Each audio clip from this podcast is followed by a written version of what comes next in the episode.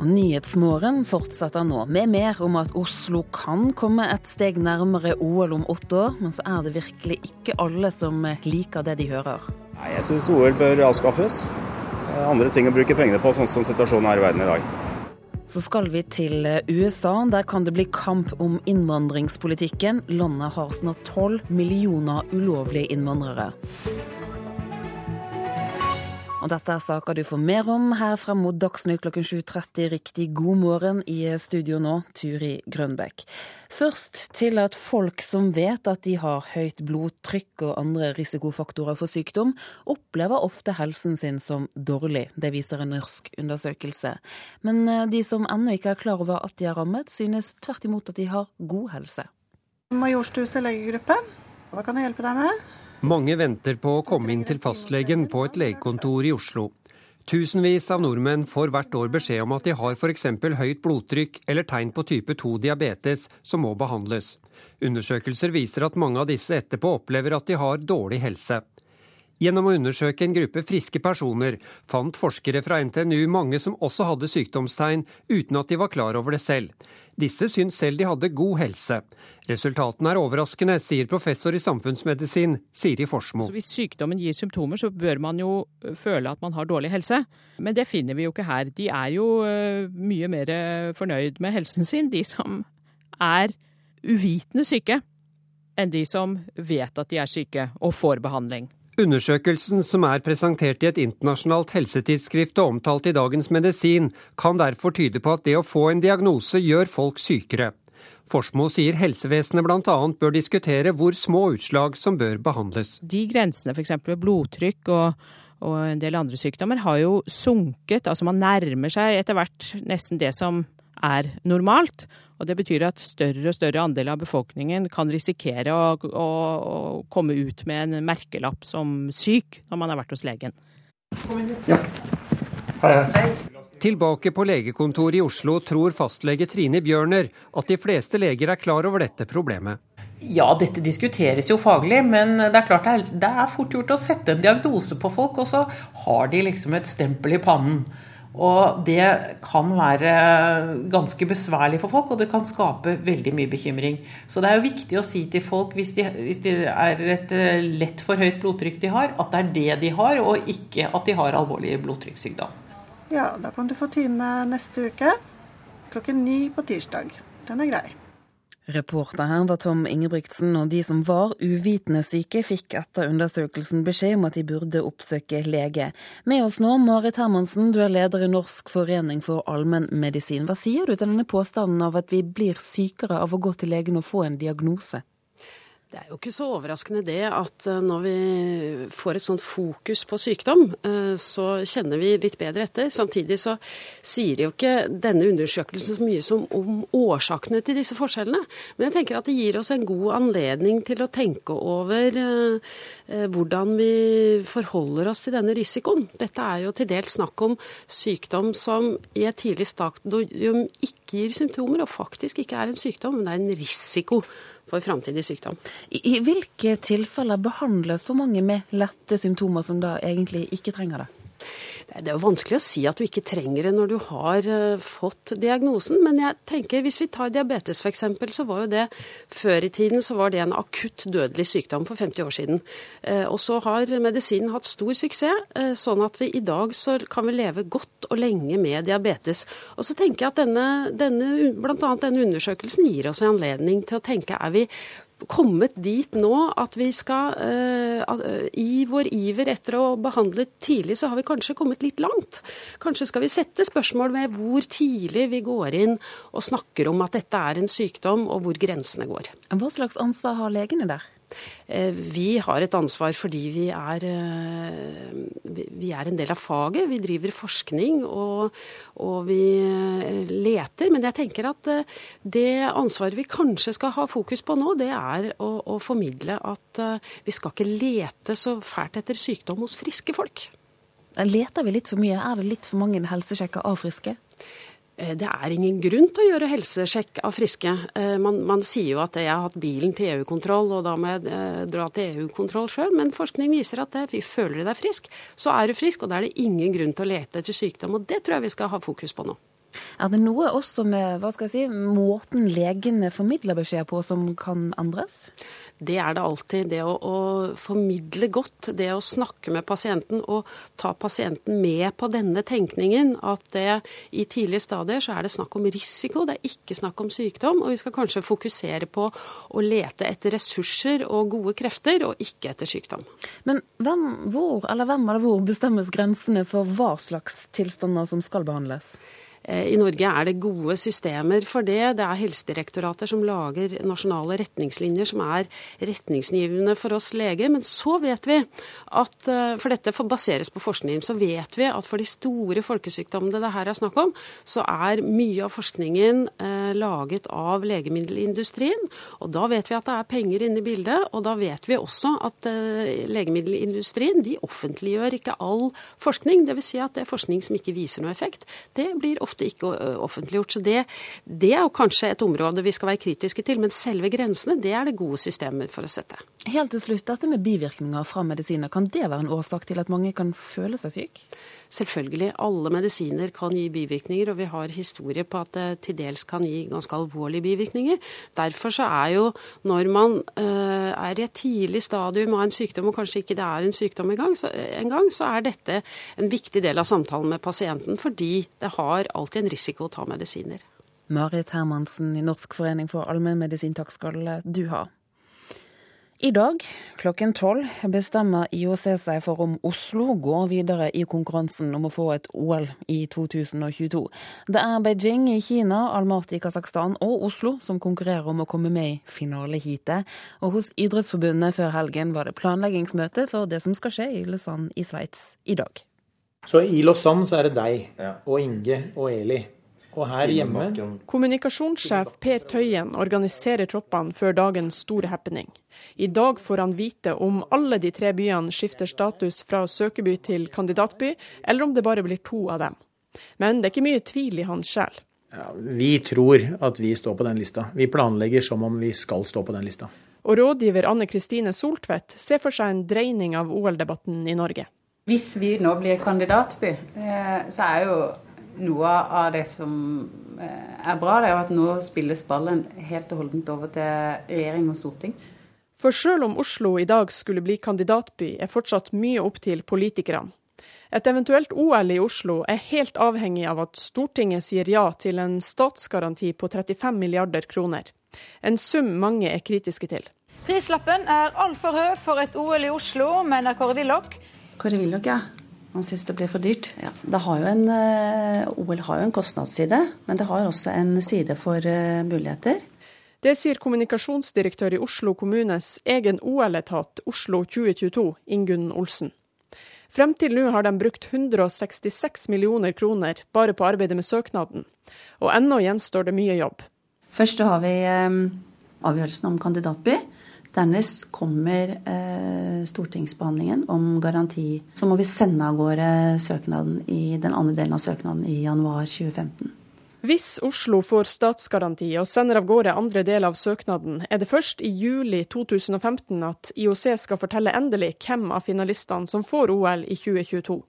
Men Olsen satser alt på Oslo. Så har vi en enestående mulighet til å vinne OL og Paralympics til eh, Norge og Oslo i 2022. Eh, Men ikke alle vi møtte på gata hadde sansen for at Norge skal arrangere OL. Nei, jeg syns OL bør avskaffes. Eh, andre ting å bruke pengene på, sånn som situasjonen er i verden i dag. Jeg har vært litt for, men nå per i dag er jeg imot. Nei, jeg tror det blir positivt for, for byen og for Norge. Og muligheten til å få utbedra masse haller og anlegg og sånne ting som ikke vi får uten. Ja, det er for vi kommer fra Lillehammer, det har det så fint, så så. så dere opplevde OL i 94? Ja, jeg var der mange ganger, jeg. Ja, hva skal vi bruke penga til ellers? Til eldreomsorgen eller sånt noe? Ja.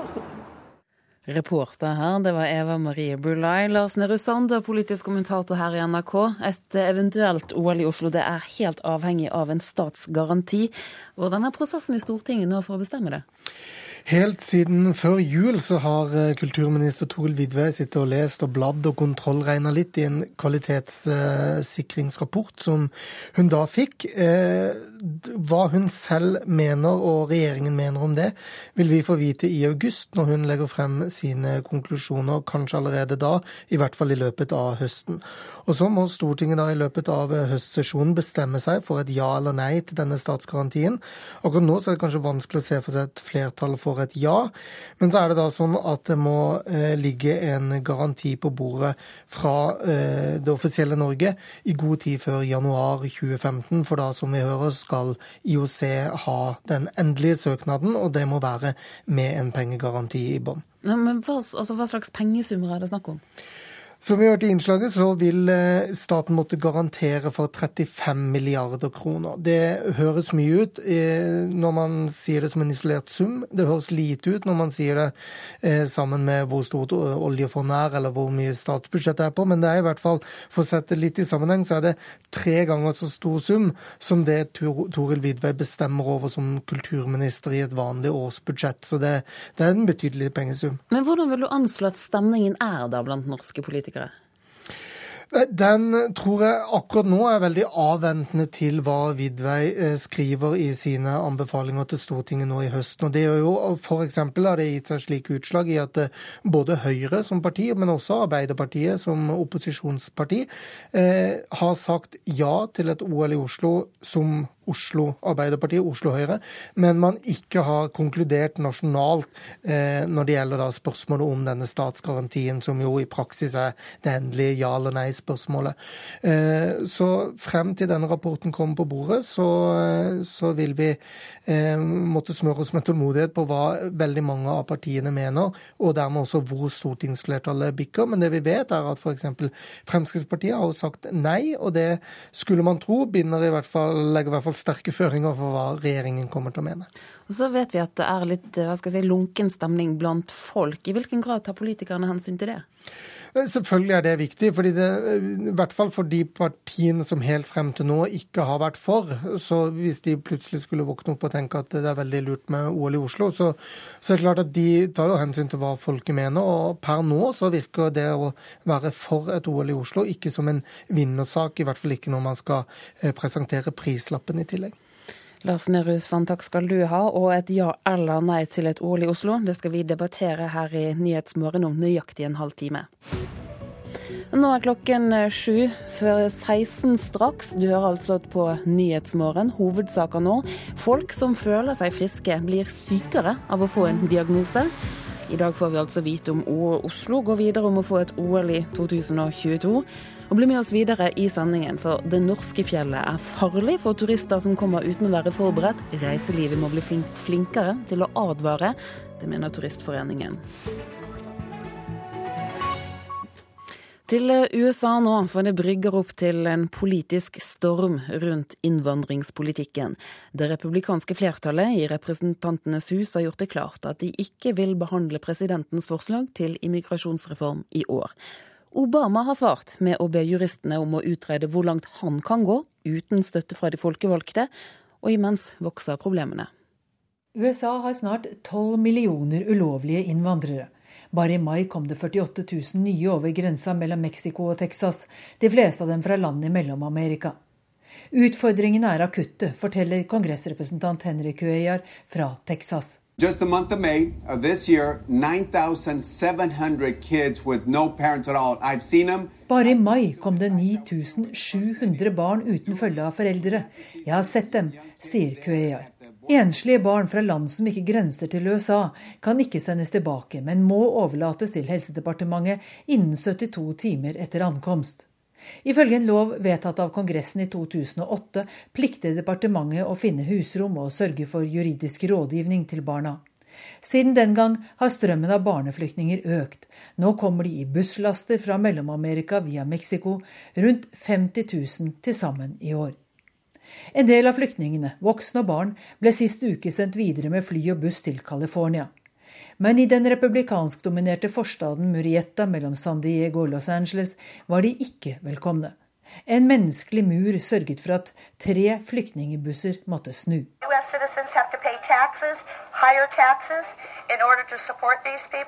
Amerikanske borgere må betale høyere skatter for å støtte disse folkene. Det er ikke rettferdig. Vi klarer ikke å ta oss av våre egne, sier barrikadevokter Nancy Grayson til reporteren fra Al Jazeera. President Obama brukte på sin side nasjonaldagen sist fredag til å gi 25 unge soldater med innvandrerbakgrunn statsborgerskap.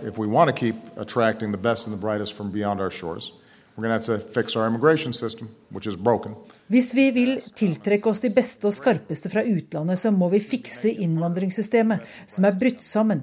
Vi må gjøre det lettere, ikke vanskeligere for de beste å komme hit, sa Obama. Han har lenge kjempet for å få vedtatt en reform som vil legge til rette for at de snart 12 millioner ulovlige innvandrerne får mulighet til å skaffe seg statsborgerskap. Det å ønske innvandrere velkommen er en sentral del av vår livsstil. Det ligger i vårt DNA, sa Obama, som selv er barn av innvandrere. Men formannen i Representantenes hus, John Boehner, har sagt han vil saksøke presidenten for hans bruk av fullmakter til å styre uten støtte fra Kongressen. Derfor søker Obama nå råd fra juristene når det gjelder innvandringsreformer, men svarene derfra vil neppe stanse kritikerne på republikansk side. Gro Holm, Washington. Utenlandske journalister som skriver saker fra Norge er ikke uavhengige når de får dekket utgiftene sine, mener generalsekretær i Norsk Presseforbund Kjersti Løken Stavrum. Som NRK fortalte i går, betalte Innovasjon Norge i fjor for at over 1000 utenlandske journalister skulle kunne skrive om Norge. Okay, now we have five minutes, so everybody go out and look here. Mange utenlandske journalister får se det vakreste Norge har å by på, takket være betalte reiser og skreddersydde opplegg. I Dagsrevyen i går var redaktør i musikkmagasinet Songlines, Joe Frost, blant dem som fikk seg en tur med Flåmsbanen på vei til årets Førdefestival. I've had planes, bus, train today, and I think we're going on a boat. So it's really a fantastic way of seeing the surrounding countryside, seeing the people, experiencing new food and drink. And no, it's been a wonderful experience so far. En vidunderlig opplevelse så langt, oppsummerte Frost. Turen hennes ble betalt av UD, som er langt fra alene om å lokke skribenter hit til landet. I fjor betalte Innovasjon Norge reisen til over 1000 utenlandske journalister. Det blir ikke fritt og uavhengig når Innovasjon Norge har, eh, har betalt turen. Det sier generalsekretær Kjersti Løken Stavrum i Norsk Presseforbund. Fordi journalistikk skal være fri og uavhengig, og, og da skal ikke interesser som Innovasjon Norge eller andre kommersielle interesser skal ikke ha rett og slett innflytelse på det innholdet som journalister lager. Jeg syns ikke det er en riktig eh, beskrivelse. Dette er en internasjonal eh, måte å gjøre det på, som alle nasjonale turistråd i hele Europa gjør det på. Direktør for reiseliv og kultur i Innovasjon Norge, Audun Pettersen, mener det de driver med ikke er sponsing, men tilrettelegging så er vi veldig tydelige og klare på at vi eh, verken legger oss opp i eh, om de skriver noe om, eh, om, turen, eller om de skriver positivt eller negativt. For da går vi ut på det reaksjonelle. Så jeg er ikke helt enig i den, den fremstillinga. Det er jeg ikke. Og på vei mot Førdefestivalen mener musikkredaktør Joe Frost at hun har uavhengigheten sin i behold. I'm an independent person. I can make up my own mind. So it's not as if I'm being brainwashed to thinking i have to write only good things about Norway. Reporter, det var Gjermund Jappé.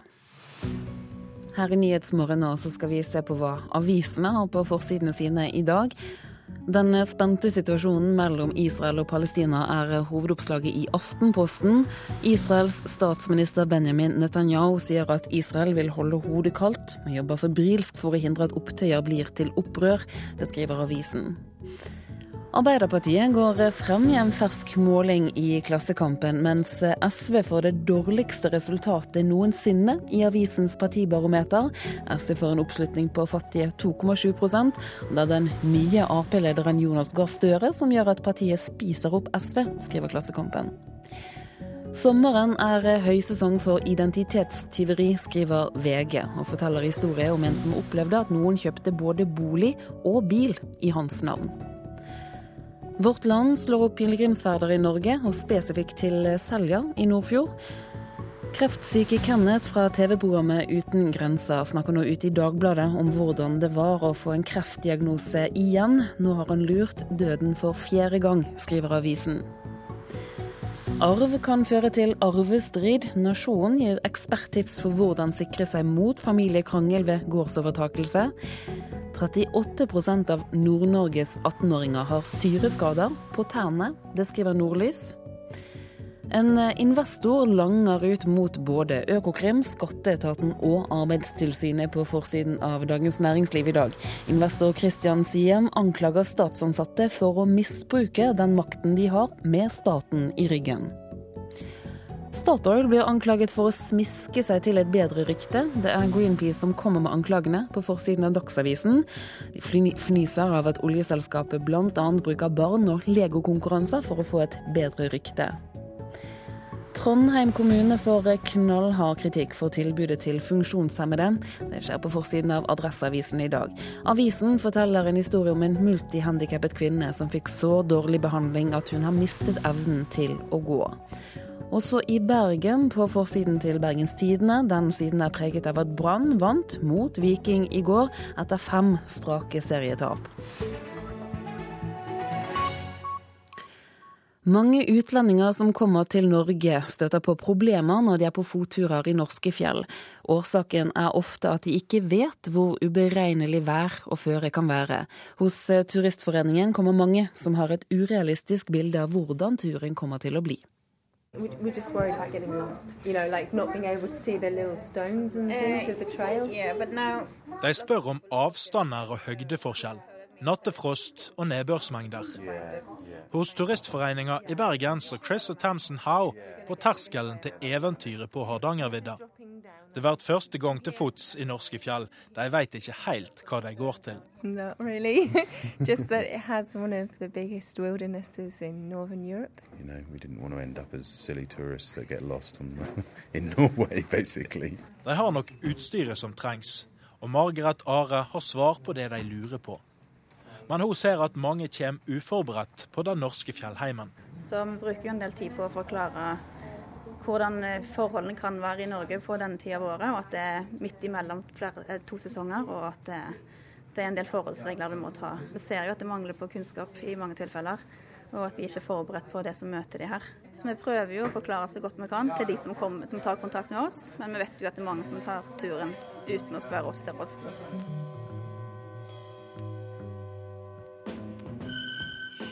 Historiene er mange. Om sandaler og miniskjørt. Om mangel på fjellvettregler og på generelt vett. Om folk som nær fryser hel midt på sommeren når fjellet slår seg vrangt. Men utlendinger på fottur er nok ikke dummere enn nordmenn. Men jeg tror det er noe med erfaring. En er nødt til å på en måte ha vært ute en vinterdag eller en våt dag eh, før. Helene Ødven er daglig leder i Bergen og Hordaland Turlag. Hun mener turister som blir lokka til Norge av reklame for naturen vår, òg bør få ei advaring om at det ikke alltid er som på bilder. Nei, Reiselivet må være flinke der folk først begynner planleggingen. Altså på våre nettsider og på brosjyrene. Og, og, der vi på en måte lokker folk ut. ikke sant? Der folk blir inspirert og ser at her, det her, Gud, det her må jeg bare gjøre. Da må vi òg huske med en gang og, fortelle dem om, eh, om at de må tenke på hva de har på seg og med seg og slikt og helst med bilde. Hvor vi har kledd på folk, eh, hvor de ser hvor mye som kanskje skal til. I mean, we did lots of research, but I think the reality when you come somewhere like this, seeing it on TV or in magazines is very different to the real thing, of course. Chris og Tamsin har kjøpt kart og ullundertøy. De er klare for fem dager på vidda, tror de. Um, I think I'm excited. I'm a little bit worried about the amount of snow. We've both done, you know, a bit of hiking, but nothing like this. It's going to test us both, definitely. Um, but I think we're up for it. Reporter her, det var Oddgeir Øystese. Det er færre romfolk som tigger i Oslo denne sommeren. Det melder hjelpeorganisasjoner i hovedstaden. I fjor ble det spådd en tiggerbølge i hovedstaden, men den ble det ikke noe av. Nå mener hjelpeorganisasjonene at antall romfolk som tigger har sunket ytterligere. Frelsesarmeens slumstasjon har registrert 21 nye besøkende i juni i år, mot 43 i fjor. Også Kirkens Bymisjon har færre besøkende. Det forteller Kari Bran, som er virksomhetsleder for møtestedet i Kirkens Bymisjon. Det ble jo varsla en voldsom økning i fjor som ikke kom. Og vårt inntrykk er nok at det heller er færre i år enn enn flere, iallfall. Hva tror dere er årsaken til det? Jeg tror det er såpass enkelt det som at man kommer, eh, rett og slett fordi man ikke har inntektsgrunnlag hjemme. Og for at det skal være et poeng å komme hit og tjene penger på gateaktiviteter, så må det jo være noe å tjene.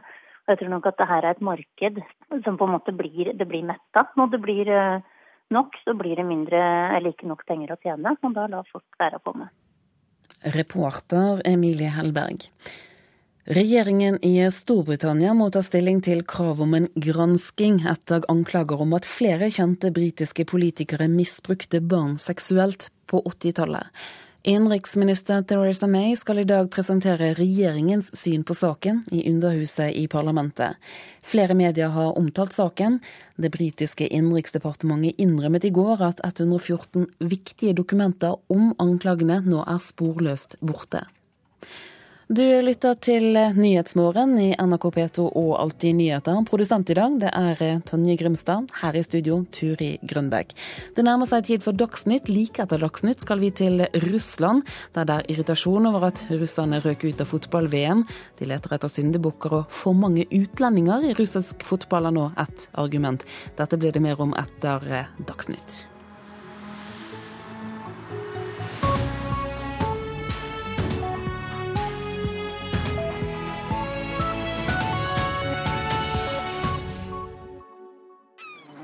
Sommer i P2. Jeg heter Mona Halvorsen. Jeg er eh, kokk. Jeg er rølpa. Jeg er rocka. Jeg er motorsyklist. Jeg er stort sett blid. Jeg kan være veldig streng. Og jeg er i Sommer i P2 i dag. Sommer i P2. Kjente stemmer inviterer deg nærmere. I dag klokken ti.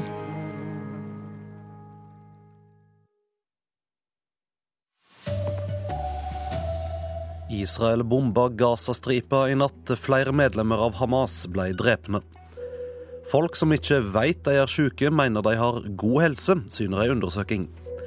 Og I dag blir det avgjort om Oslo fremdeles får være med i kampen om å få OL i 2022.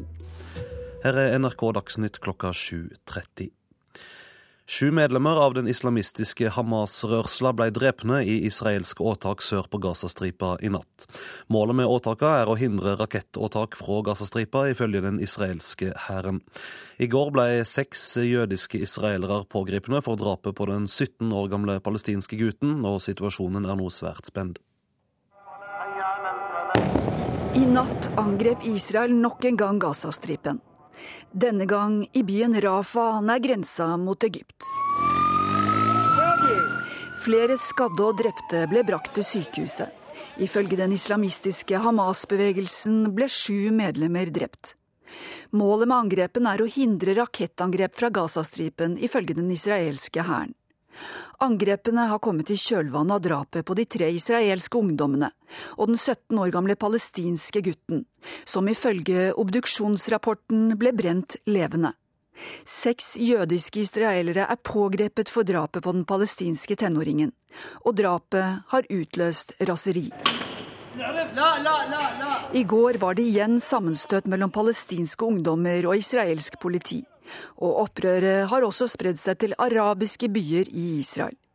Situasjonen er nå svært spent, og palestinernes president Mahmoud Abbas har bedt FNs generalsekretær Ban Ki-moon om å nedsette en internasjonal komité som kan etterforske terrorhandlingene utført mot vårt folk, inkludert brenningen av Khudair, sier Abbas.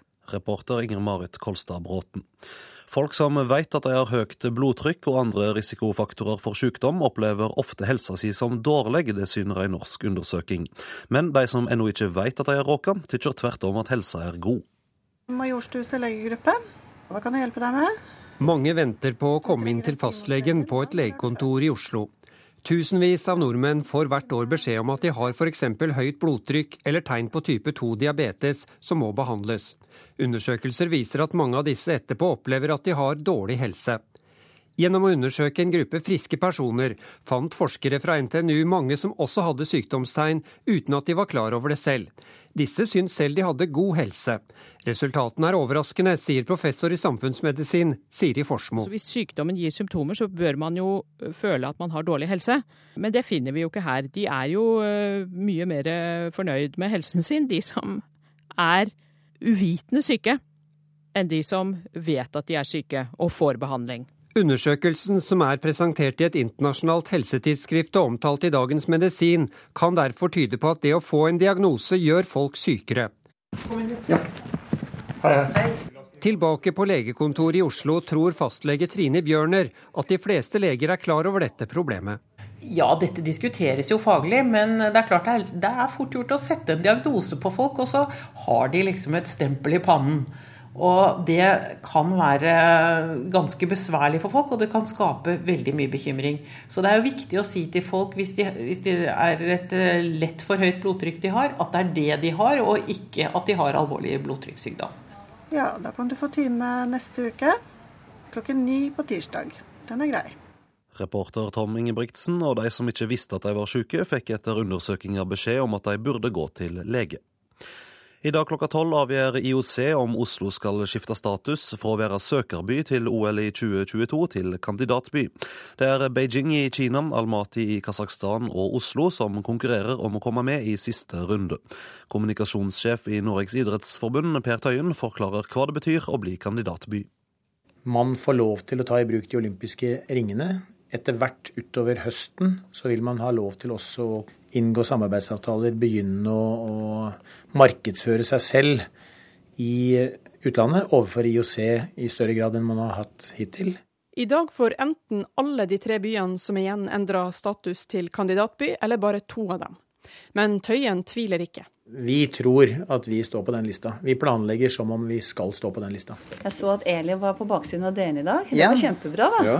Det var veldig, det var veldig fint. Rundt møtebordet i Oslo kommunes egen OL-etat Oslo 2022 går de gjennom avisene og er veldig fornøyde med at deres egen OL-president er sommerintervjua.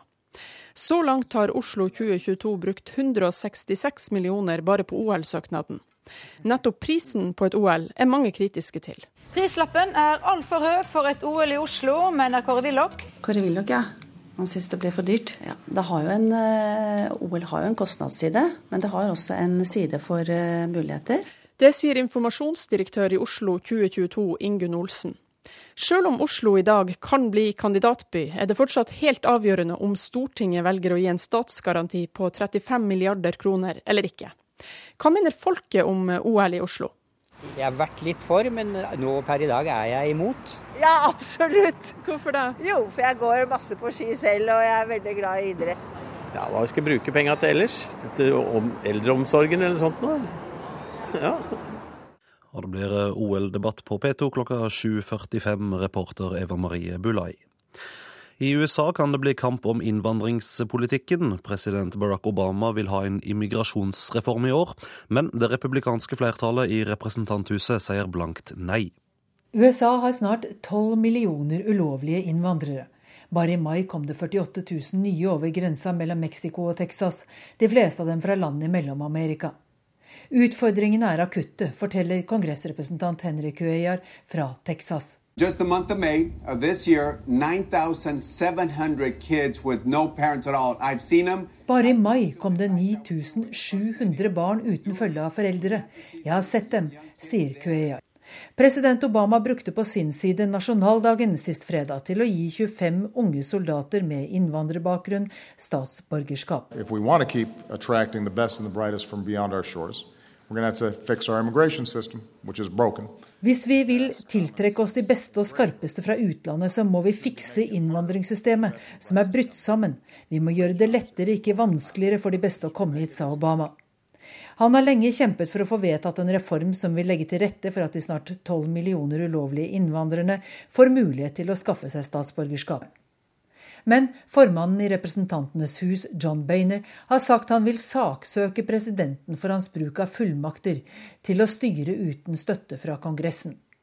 Derfor søker Obama nå råd fra juristene når det gjelder innvandringsreformer, men svarene derfra vil neppe stanse kritikerne på republikansk side.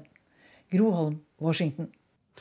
NetCom sitt morselskap Telia Sonera kjøper Tele2 Norge for 5,1 milliarder svenske kroner. Samtidig garanterer selskapet 4G-dekning til 98% av den norske befolkninga innen utgangen av 2016. Det skriver selskapet i ei pressemelding. Stadig flere av oss kjøper telefoner av den gamle typen i stedet for smarttelefoner. Det syner tall fra Elkjøp og Lefdal. Det kan være bra for de som er avhengige av mobiltelefonen, mener psykolog. En av de som fikk nok av smarttelefonen, var Thomas Moen. Det var For et par år siden så var jeg på, eh, på fotballturnering med min sønn. Og så han eh, spille fotball. Og mens jeg var nede i telefonen og leste et eller annet uviktig, så hopper alle rundt meg, og popkorn og colaflasker flyter. Og min sønn har skåret da sitt første mål for dagen, og jeg har gått glipp av det. Øyeblikket på sidelinja ble et vendepunkt for blogger og forfatter Thomas Moen. Så da gikk jeg og kjøpte meg det jeg kaller en dumtelefon. Stadig flere nordmenn kjøper såkalte dumtelefoner, altså mobiltelefoner av den gamle typen. Tall fra elektrokjedene Elkjøp og Lefdal viser at nærmere en tredjedel av de mobilene som er blitt solgt hittil i år, er dumtelefoner, altså usmarte telefoner. Det er en klar økning fra året før. Professor i psykologi Ståle Pallesen har arbeidet mye med avhengighet. Han synes det er positivt at flere kjøper dumtelefoner, hvis de føler at smarttelefonen tar for mye tid. Man får mer av å være til stede der man er, enn å prøve desperat å følge med på hva alle vennene dine gjør på Instagram hele tiden. Reporter Christian Ingebretsen. Dagens etappe i sykkelrittet Tour de France ender på samme stad som Alexander Kristoff tok OL-bronse i 2012.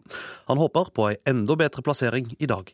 Formen er der. Den var bedre enn forventa i dag, så det gir jo selvtillit før den uh, Proseth-etappen i hvert fall. Men uh, det var kanskje litt dumt for i morgen at jeg kjørte såpass hardt i dag. Det sa Alexander Kristoff like etter målgang på gårsdagens etappe. I morgen, som Kristoff sier, er altså dagens etappe, der han vant OL-bronse for to år siden. Nei, Jeg tenker jo på en bronsemedalje som jeg fikk, så får jeg jo prøve å bli litt bedre i morgen, da, men det blir nok vanskelig. Reporter Patrick Steen Rolands. Ansvarlig for sendinga var Eirik Ramberg, teknisk ansvarlig Frode Thorshaug. Her i studio Vidar Eidhammer.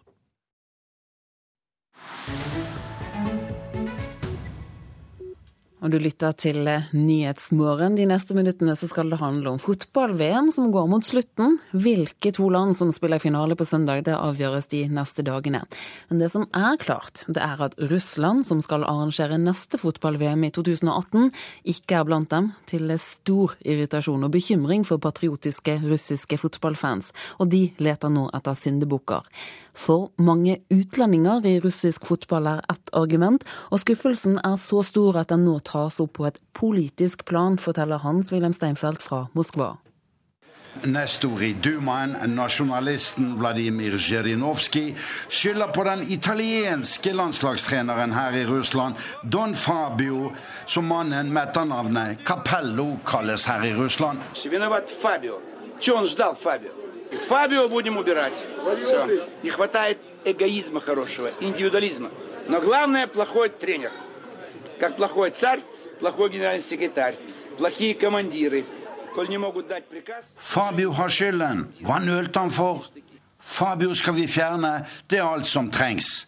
Landslaget mangler egoisme og individualisme, men viktigst er en dårlig trener. En dårlig tsar, en dårlig generalsekretær og dårlige sjefer må bort, raste Vladimir Zjirinovskij mot den 68 år gamle landslagssjefen fra Italia her i Russland, Fabio Capello. Også russiske medier beskylder den italienske landslagstreneren her i Russland for ikke å kunne gjøre raske omdisponeringer på landslaget når det går dårlig for laget. Og han omgir seg med for mange rådgivere fra Italia, heter det. Bare keeper på det russiske landslaget trenes av en russer nå.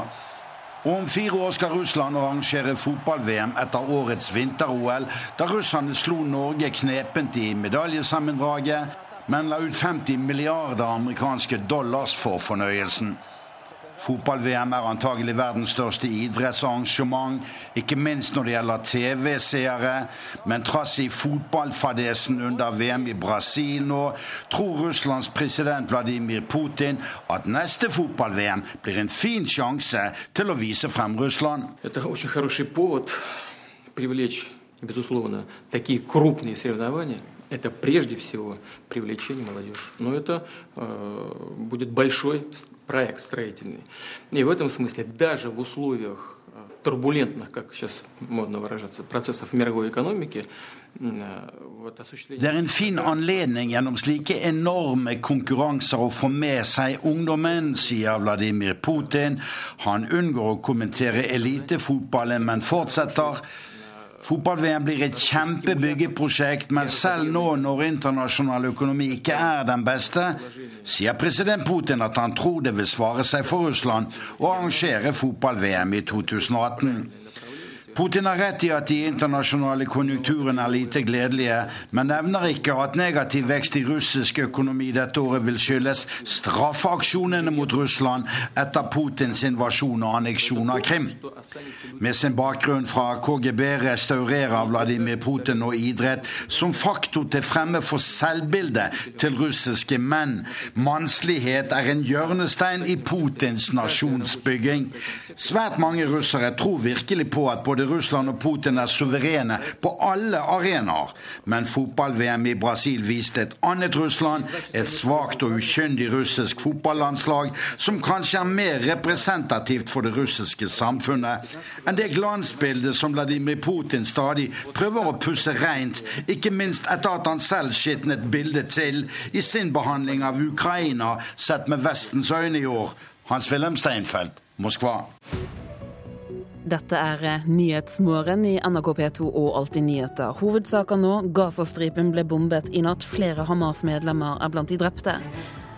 Folk som ikke vet at de er syke, mener selv at de har god helse, viser undersøkelse. Og amerikanske politikere lader nå opp til kamp om innvandringspolitikken. I dag bestemmer Den internasjonale olympiske komité, IOC, hvilke byer som blir kandidatbyer for OL om åtte år. Det er kun tre byer som er med, resten har trukket seg. Men Oslo er en av byene som forventes å gå videre i konkurransen om å bli vinter-OL-by. Så er spørsmålet om Norge og Stortinget vil.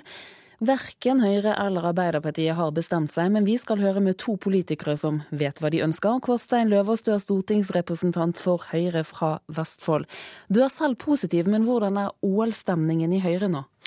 Jeg tror at, eh, som du var inne på innledningsvis, at både Høyre og Arbeiderpartiet og en del andre partier ønsker å ta denne debatten helt igjennom før man konkluderer som parti. Og eh, også i Høyre så finnes det noen som er veldig mot, noen som eh, ikke har bestemt seg ennå, noen som er for og noen som er veldig for. Ja, Hvor mange ja-folk er det? Har, vi har ikke hatt noen eh, opptelling av det i, eh, i, Høyre, så det er for så vidt ikke noe vits i å konkludere med nå heller, for vi skal jo gå gjennom alle, alle, argumentene før vi bestemmer oss. Men eh, jeg har inntrykk av at, at stemningen er, er, positiv blant i hvert fall flertallet da, i Høyres gruppe. Men, men, dette endrer seg jo også litt fra, fra, dag til dag, også fordi at det er veldig mange som ikke har bestemt seg, for dette er en vanskelig sak. Vanskelig sak bl.a. pga. pengebruk og risiko for overskridelser. Hva er det som gjør at du likevel tenker at OL er en god idé? Jeg tenker at eh, OL er en god idé av flere grunner. Eh, det det handler om her, er jo for det første at vi kan få et stort løft for frivilligheten i Norge. Det er også sånn at man ser for seg at eh, rundt 20 000 nye frivillige kan rekrutteres. Og så er det jo, og det er kanskje det viktigste poenget, at idretten selv ønsker et, et OL til Østlandet. De sier nesten samtlige idrettskretser at ja, dette vil vi, for de ser at dette vil få direktevirkninger for en del, og ringvirkninger for alle de andre som driver med idrett i Norge. Da må vi nesten spørre Tove Karoline Knutsen, du er stortingsrepresentant for Arbeiderpartiet fra Troms. Du vil absolutt ikke ha et OL. Hvorfor vil ikke du løfte frivilligheten og gi idretten selv et løft? Jeg vil gjerne løfte idretten og jeg vil løfte frivilligheten, og det kan vi gjøre på mange måter. Vi kan arrangere store mesterskap både i nord og i sør, og i øst og i vest. Både sommer og vinter, og få det til. Men jeg er imot et OL fordi det er blitt et monster. Et monster? Hvordan da? Ja, det er blitt så dyrt at det går utover alle anstendighetsgrenser. Og det er jo ikke sånn at vi garanterer for 35 eh, milliarder, som noen sier. Nei, vi garanterer for det beløpet som måtte komme ut eh, på slutten. Og det beløpet det har en tendens til å bli minst dobbelt så høyt. Så vi kan like gjerne snakke om eh, en garanti som er rundt, på rundt 70 milliarder, enn en garanti på 35 milliarder. Vancouver-OL begynte på litt under 30. Det var et nøkternt OL. De endte på 60 milliarder. Og jeg har spurt norsk idrett hvorfor ble det sånn. De kan ikke svare på det. Og Da må vi spørre Løvaas, altså historisk sett så blir alltid vinter-OL dyrere enn planlagt. Sier ikke det noe om risikoen her? Jo, det sier også noe om at, eh, at Knutsen eh, taler litt mot bedre vitende, fordi da statsgarantien ble vedtatt, og det er tross alt vedtakene vi må forholde oss til, da statsgarantien ble vedtatt til Lillehammer-OL i 1994, så holdt man seg innenfor det vedtaket. Så var det tidligere i debatten tidligere summer, sånn som det har vært her også. Men det å begynne å snakke om 70 milliarder, det blir jo nesten litt vanskelig å ta, ta seriøst. Dessuten har jeg lyst til å, å spørre Knutsen om hvorfor hun ønsker å gå mot sin eh, egen regjerings idrettsmelding. For i den idrettsmeldingen så står det at Norge eh, både har et ansvar og en forpliktelse til å ta på seg store idrettsarrangement, f.eks. vinter-OL. Ja, det kan jeg godt svare på. Jeg er veldig for både OL og store idrettsmesterskap. Det syns jeg er helt topp, og derfor så gikk jo jeg i, i, for noen år siden, ti år siden inn for at vi skulle prøve å søke med Tromsø som kandidat. Da snakka vi om et helt annet OL enn det vi ser nå, med en helt annen prislapp. I alle fall var det det vi jobba ut ifra. Og vi må bare ta inn over oss hvordan OL er blitt. Vi må ta inn over oss at mellom 60 og 70% av det norske folk er imot dette OL. Det har med kostnad å gjøre, og det har også med hvordan IOC nå etter hvert framstår som enda mer forbeina og reaksjonær, og som alltid faller ned på feil side når det gjelder etikk og politiske spørsmål. Og det er også en del av dette bildet. Og så har jeg et moment til som jeg gjerne vil komme inn på. Ja, Det må bli kjapt. Ja. Er det riktig, må vi spørre, å bruke så mye penger inn i den regionen der vi har så store oppgaver fra før? Vi skal inn med ganske mange milliarder til en intercitysatsing i hele østlandsområdet. Det trenger befolkninga. Men da må jeg spørre, skal vi støvsuge resten av landet for penger og for kompetanse for å kjøre enda mer aktivitet, bygging, ingeniører, anleggsfolk inn i Oslo-området. Jeg tror ikke verken det er bra for Oslo eller for resten av landet. Her var det flere ting, Løvaas. Du skal ja. få svare på flere av dem. Men siste først, skal vi virkelig støvsuge? Vi, selvfølgelig skal vi ikke gjøre det. og det er jo ikke sånn at altså, altså Man lever jo ikke livene sine i Excel-ark. Dette handler ikke bare om, om, penger som man nødvendigvis skal få tilbake igjen i en ren sånn bedriftsøkonomisk tankegang. Men akkurat som vi ønsker å bruke penger på, i privat, bruke penger på ferie, eller at man selv ønsker å bruke penger på kulturopplevelser, så er det også en opplevelse og en følelse. Vi vil jo ha tilbake dugnadsånden, vi vil ha tilbake frivilligheten. Og vi er jo faktisk en supermakt i dette. Vi liker ofte å si at vi er supermakter både her og der, men i vinteridrett så er vi kanskje den største supermakten. IOC trenger Norge. Vi kan skrive en søknad hvor vi skriver akkurat hvordan vi vil gjøre det. At vi vil ha denne eh, transportløsningen, disse boligene, disse idrettsarenaene. Og hvis de da ønsker å gi oss OL på de premissene, ja, så får vi OL. Så vi kan, vi, Tove Karoline Knutsen og jeg kan bli enige. Vi, vi kan, da må vi rett og slett bare bli enige i forkant om hvor mye syns du et OL kan koste. Så definerer vi vårt OL ut ifra det, og så søker vi. Og så blir det opp til IOC om de vil gi oss det eller ikke. Men IOC trenger Norge. Dette er helt feil, for vi har skrevet en søknad på de premissene som IOC har lagt. Og der er det bl.a. slik at IOC skal ha skattefritak. De har rett til å gå inn og endre premissene underveis, helt fram til åpningsdagen. Og det er bl.a. dette som har gjort at OL er blitt så dyrt. Så det er bare tull å si at vi kan lage våre OL. Vi men, må lage IOC sitt OL. Det må du nesten svare på. Ja, det må jeg nesten svare på. Hvorfor kunne man det i Tromsø, så kan man det ikke på Østlandet? Det forstår ikke jeg. Selvfølgelig kan vi sette de premissene. Og da jeg var sammen med en del andre og heldig å få møte eh, Thomas IOC, så stilte jeg ham akkurat det spørsmålet. Kan vi definere hvordan vi vil gjøre OL i søknaden? Svaret var ja. Nei, dette er bare tull, og vi kunne det selvfølgelig bare ikke i Tromsø heller. Bare tull? Jeg så ikke deg i det møtet. Nei, men jeg vet jo hva IOC sier i sine 7000 siders manualer. Jeg vet jo hva som er IOC sin plattform og sitt ståsted. Det er IOC som eier lekene. De legger alle premissene.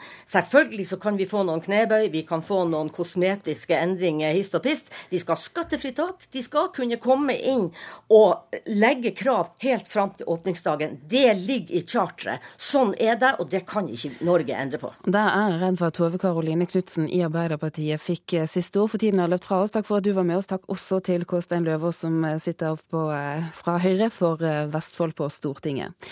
Så er det tid for vår sommerserie.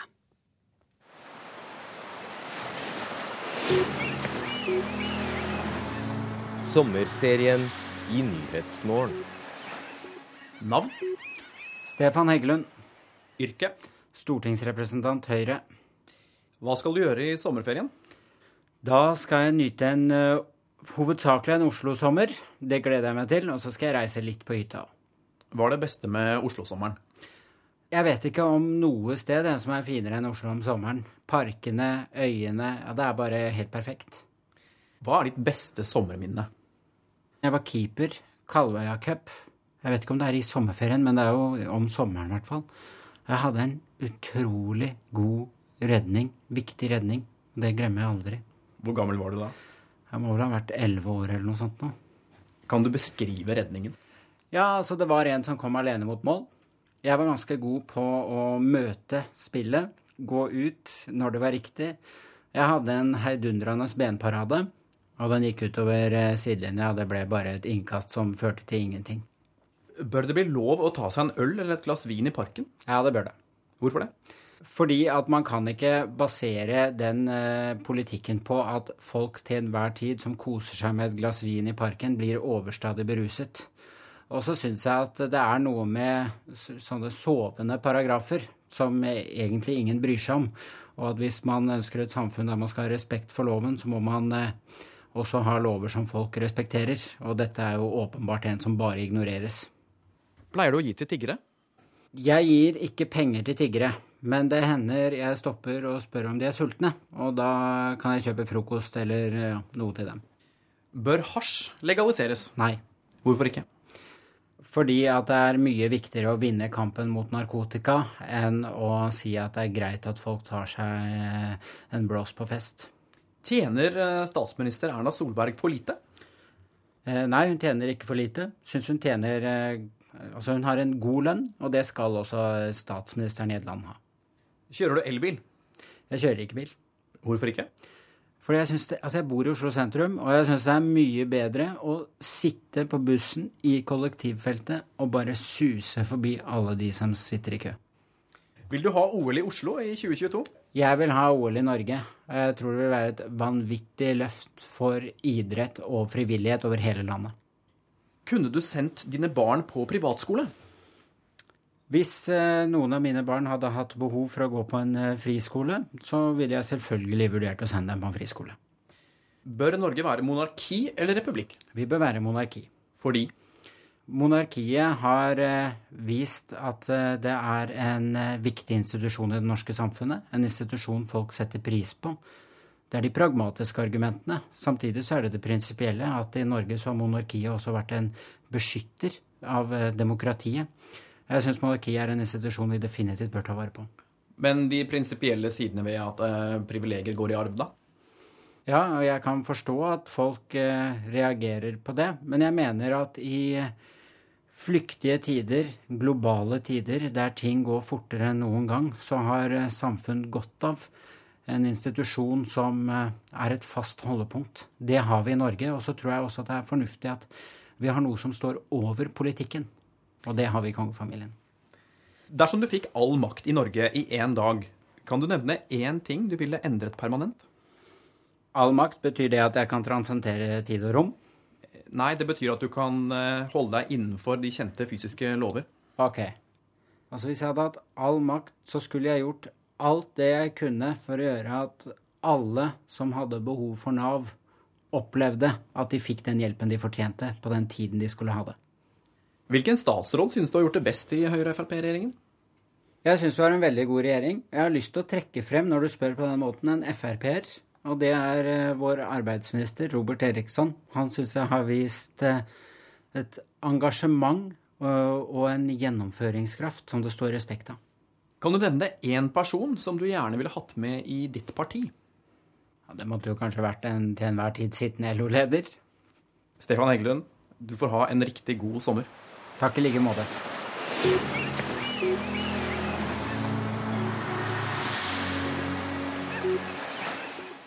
Og Steffen Heggelund ble intervjuet av reporter Halvard Norum. Her i Nyhetsmorgen nå så skal vi se nærmere på hva slags vær vi kan vente oss, og ta med et værvarsel som gjelder frem til midnatt. Fjellet i Sør-Norge får sørøst liten kuling og regnbyger. Sent i ettermiddag minking til skiftende bris. Etter hvert så blir det lettere vær i Langfjella. Østlandet og Telemark får sørøst bris. Det blir regnbyger og lokalt mye nedbør. Det blir utrygt for torden. I kveld lettere vær i Telemark og sør på Østlandet. Agder sørlig bris, regnbyger, mye lokalt nedbør. Utrygt for torden fra i ettermiddag sørvest bris. På kysten frisk bris, og så blir det til dels pent vær. Rogaland minking til skiftende bris, regnbyger og utrygt for torden. Fra i ettermiddag stort sett oppholdsvær. Hordaland og Sogn og Fjordane sørøst liten kuling utsatte steder. Det blir regnbyger og utrygt for tordenvær. I ettermiddag sørvest stiv kuling ved Stad. Så blir det utrygt for enkelte regnbyger i indre strøk. Møre og Romsdal sørøst liten kuling utsatte steder. Fra i ettermiddag sørvest stiv kuling på kysten. Det blir regnbyger og utrygt for tordenvær. I kveld minking til skiftende bris og lettere vær. Trøndelag sørøst liten kuling utsatte steder. Til dels pent vær. I ettermiddag dreining til sørvest bris. Etter hvert så blir det regnbyger og utrygt for torden. Nordland og Troms sørøst bris. Det blir frisk bris på Helgeland og pent vær. Finnmark kan vente seg sørvestlig bris og pent vær. Utover ettermiddagen så blir det nordøstlig bris og lokal tåke på kysten, men ellers pent vær. Og Nordensjøland på Spitsbergen, der blir det skiftende bris og stort sett oppholdsvær. Så er det temperaturene. De er målt klokken sju i dag tidlig. Og da var det sju grader på Svalbard. Kirkenes hadde 21 grader. Vardø 20. Alta 21 grader. Tromsø 17. Så var det 22 grader i Bodø. Brønnøysund 21. Trondheim hadde 23. Molde 19 grader. Bergen 16 grader. 16 grader det var det også i Stavanger. Kristiansand 18 grader. Gardermoen og Lillehammer hadde begge 17 grader. Røros 16 og Oslo-Blindern hadde 20 grader klokken sju i dag tidlig.